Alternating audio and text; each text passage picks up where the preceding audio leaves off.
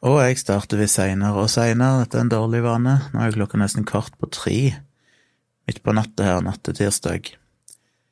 Men jeg skulle egentlig i seng, pusse tennene og alt, og skulle på å fuck, jeg må jo få spilt inn en liten kjapp podkastepisode.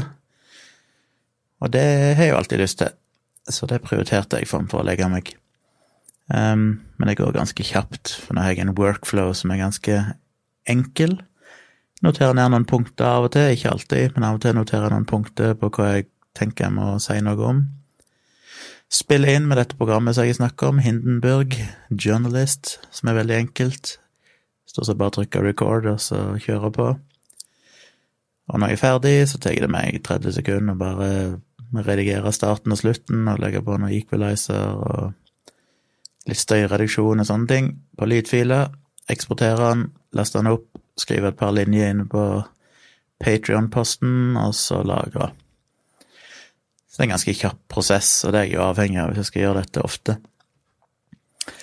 Um, I kveld har meg og Tone brukt en del tid, det har gått noen timer, på å se resten av Papirhuset, som jeg snakka om tidligere. Altså, vi er ferdig i sesong fire, og som jeg har nevnt, sesong én og to hadde vel 13 episoder hver, så det var langt. Hver episode var jo i 50 minutter ish. Og det var på en måte avsluttende etter sesong to, så sesong én og sesong to hang på en måte sammen som en sammenhengende historie.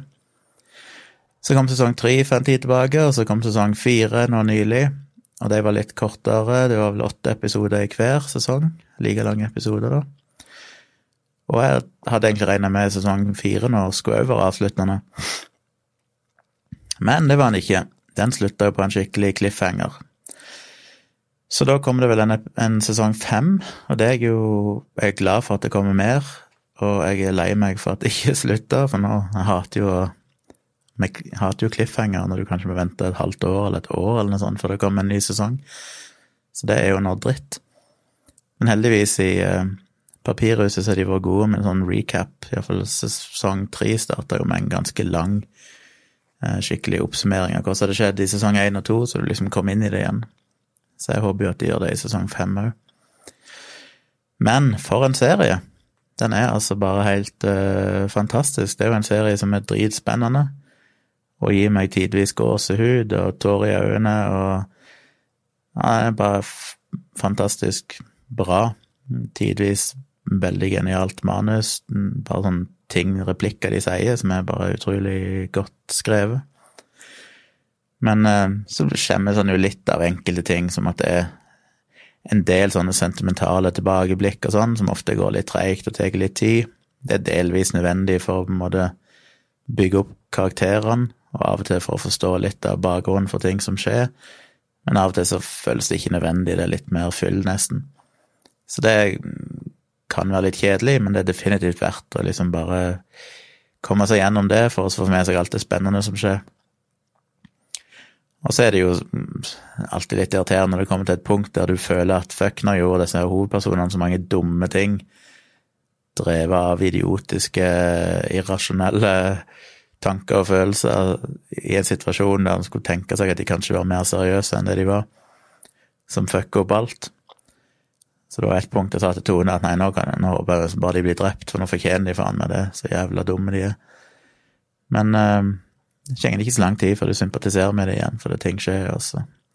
Og de må vel ha litt sånn dumme øyeblikk for å drive fram historien, og så, så lappes det sammen igjen eh, litt seinere. Så anbefalt, som jeg har sagt mange ganger.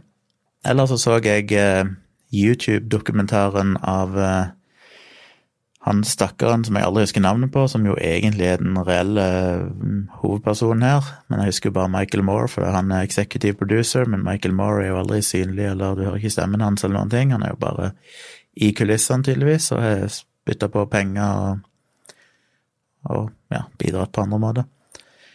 Men den så jeg, den ligger jo gratis ute på YouTube, en hel dokumentar som kom nå nylig.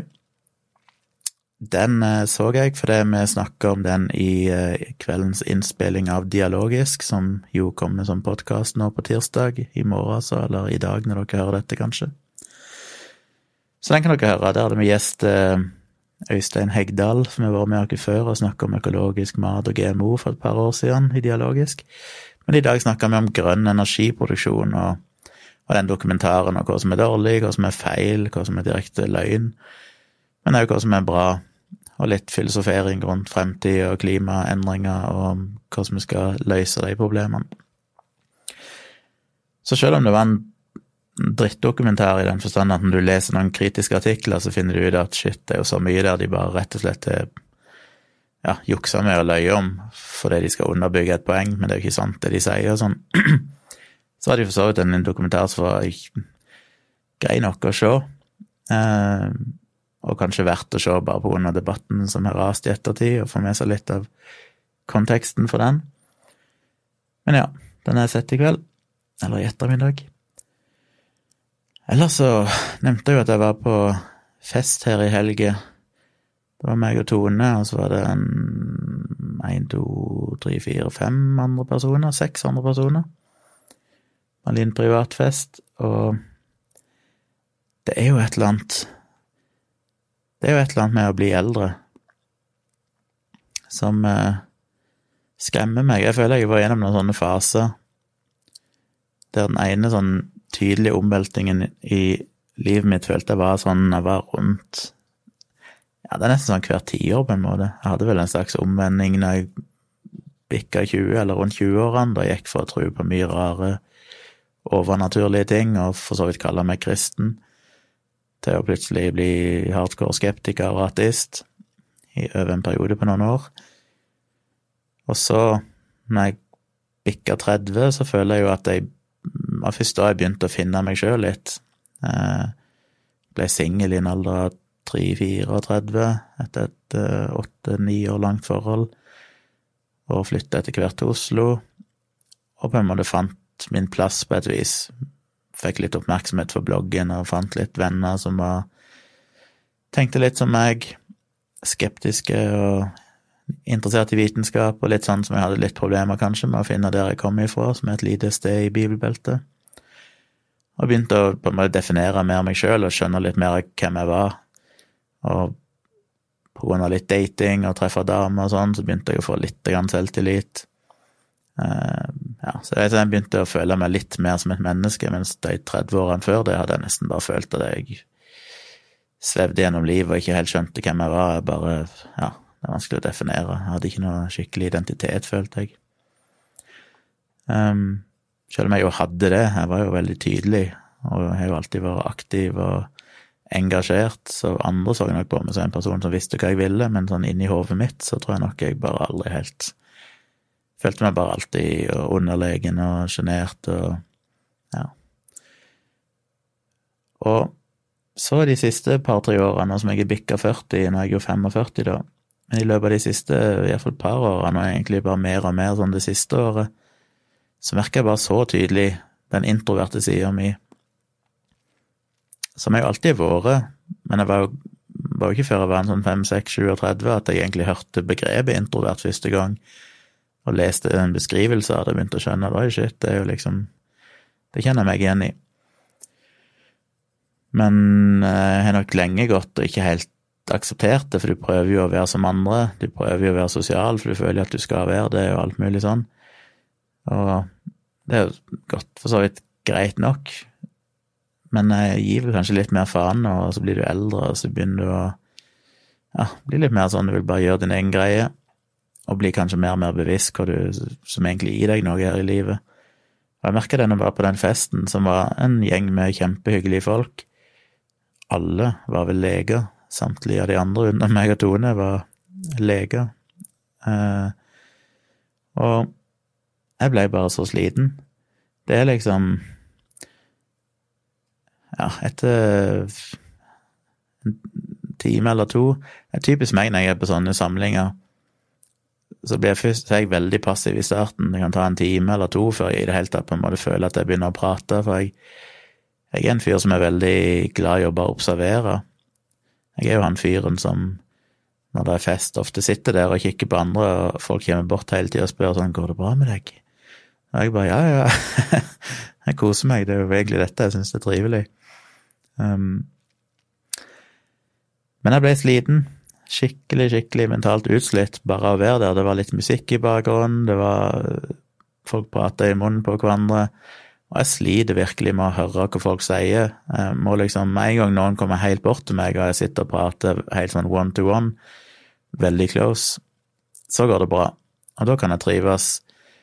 Men når det er litt mer sånn at du snakker med litt random folk og på litt avstand, og du føler du blir avbrutt hele tida, sånn, så blir jeg så sliten, og så setter det seg i nakken min. Jeg er jo en person som aldri sliter med hodepine, jeg har aldri vondt i hodet, jeg er veldig heldig sånn sett. Um, og jeg er veldig sjelden stressa, jeg er jo temmelig laidback som person. Men i en sånn setting så bare merker jeg at jeg får alltid vondt i nakken. Og jeg liksom aldri helt skjønt det, for jeg, tenker jo bevisst på det. tenker sånn, Holder jeg, holder jeg hodet skakt hele tida, eller hva er det for noe? Men det er vel bare en sånn ubevisst uh, anspenthet, fordi at jeg blir liksom stressa av situasjonen. Og det er ubehagelig. Jeg sitter der og egentlig begynner å verke og er sliten, og, og så er det så lange sekvenser der folk snakker til meg der jeg ikke hører hva de sier eller skjønner noen ting, og bare sitter og nikker med og ja, fordi jeg bare gambler på at ikke de oppdager at jeg ikke hørte hva de egentlig sa, eller skjønte det. For jeg bare orker ikke engasjere meg mer. Det bare sånn, ja, ja,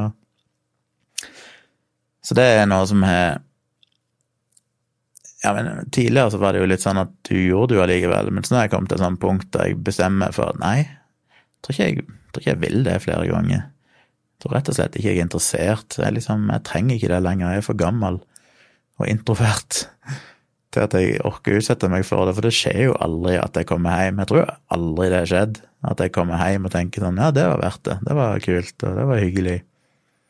Jeg syns det er hyggelig hvis vi er kanskje fire personer, hvis det er meg og Tone og to personer til. Da koser jeg meg. Så én til to andre personer, det er liksom overkommelig, for da kan du faktisk holde en samtale. Og det kan være fokus, og det går an at én snakker om gangen. Men gjenger du over det i antall, så syns jeg bare det blir fryktelig, fryktelig slitsomt.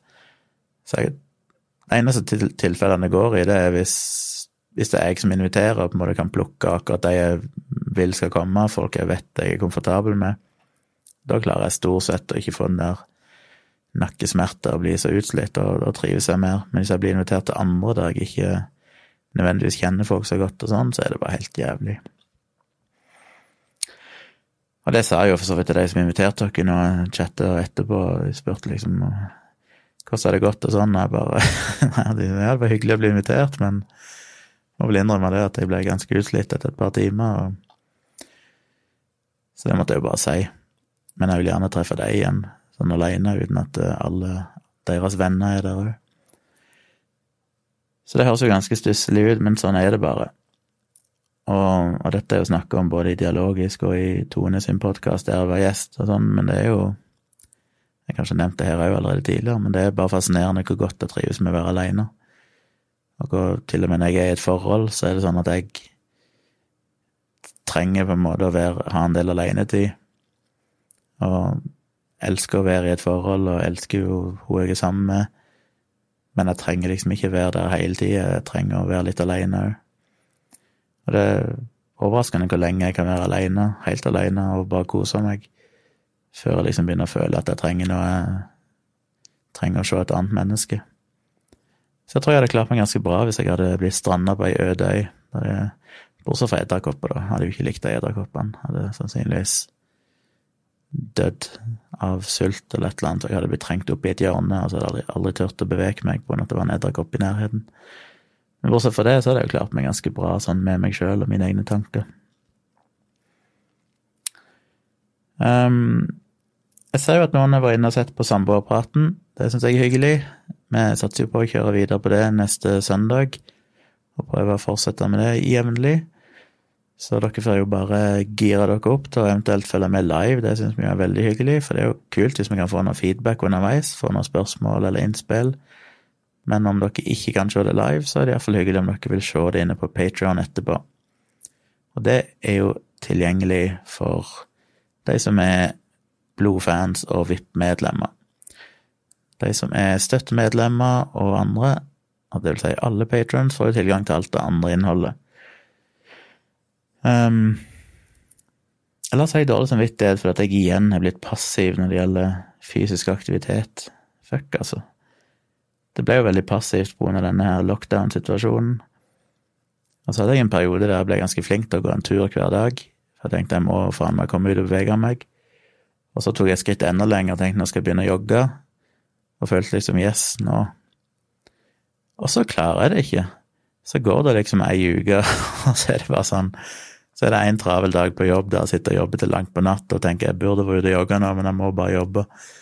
Og så til slutt er det så seint at jeg tenker nå går det ikke an å jogge lenger. Og så så funker det ikke. Så jeg er dårlig til å prioritere det. Men det er jo bare fordi at det er ikke noe trivelig. Og jeg syns det er så urettferdig på et vis. for det, så sier folk ja, men du må drive på lenger. Men jeg har jo hatt perioder der jeg jogga Sånn som i fjor, så jogga jeg vel i tre-fire måneder. Eh, tre ganger i uka. Pluss at jeg drev med litt styrketrening. Det kom jo aldri et øyeblikk der jeg egentlig trivdes med det. Det var perioder jeg tenkte sånn ja, ok, det er ikke så ille. Men det ble jo aldri noe Det ga meg jo aldri noen ting som helst.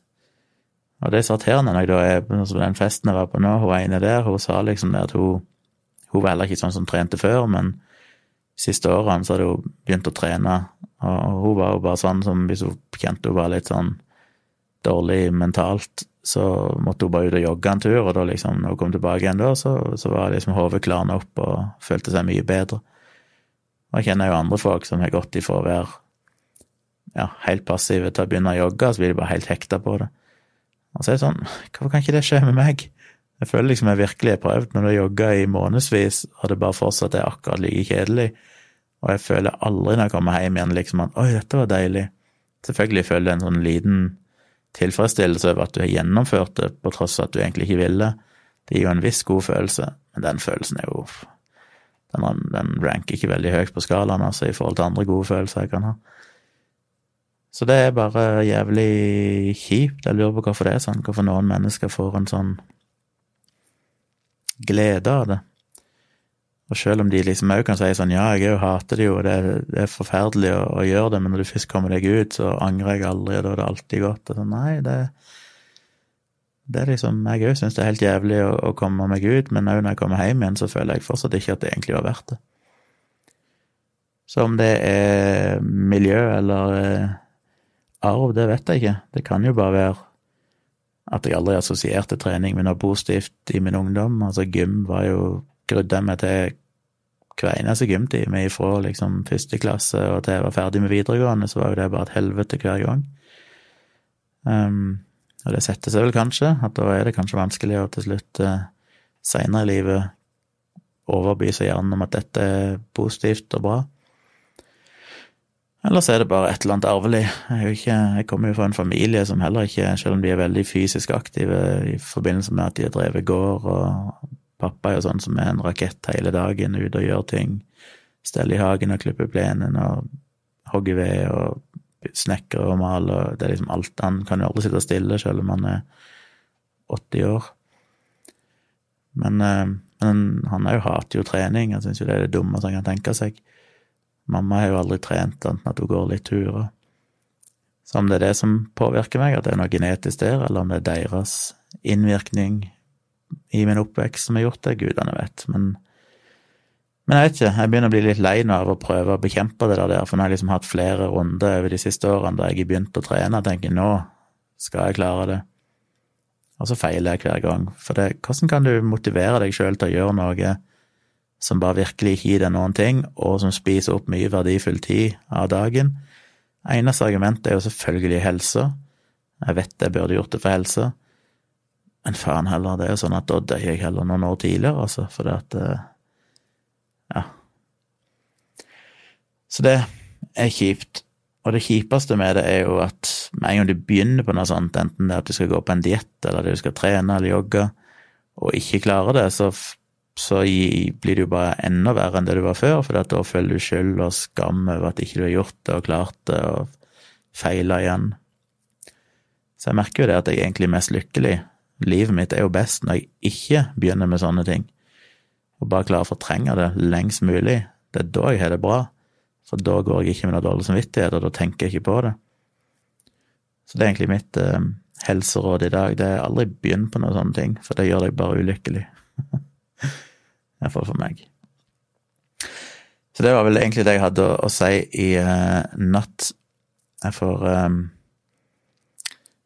pakke sammen denne lydfila og laste den opp til dere, og komme meg i seng.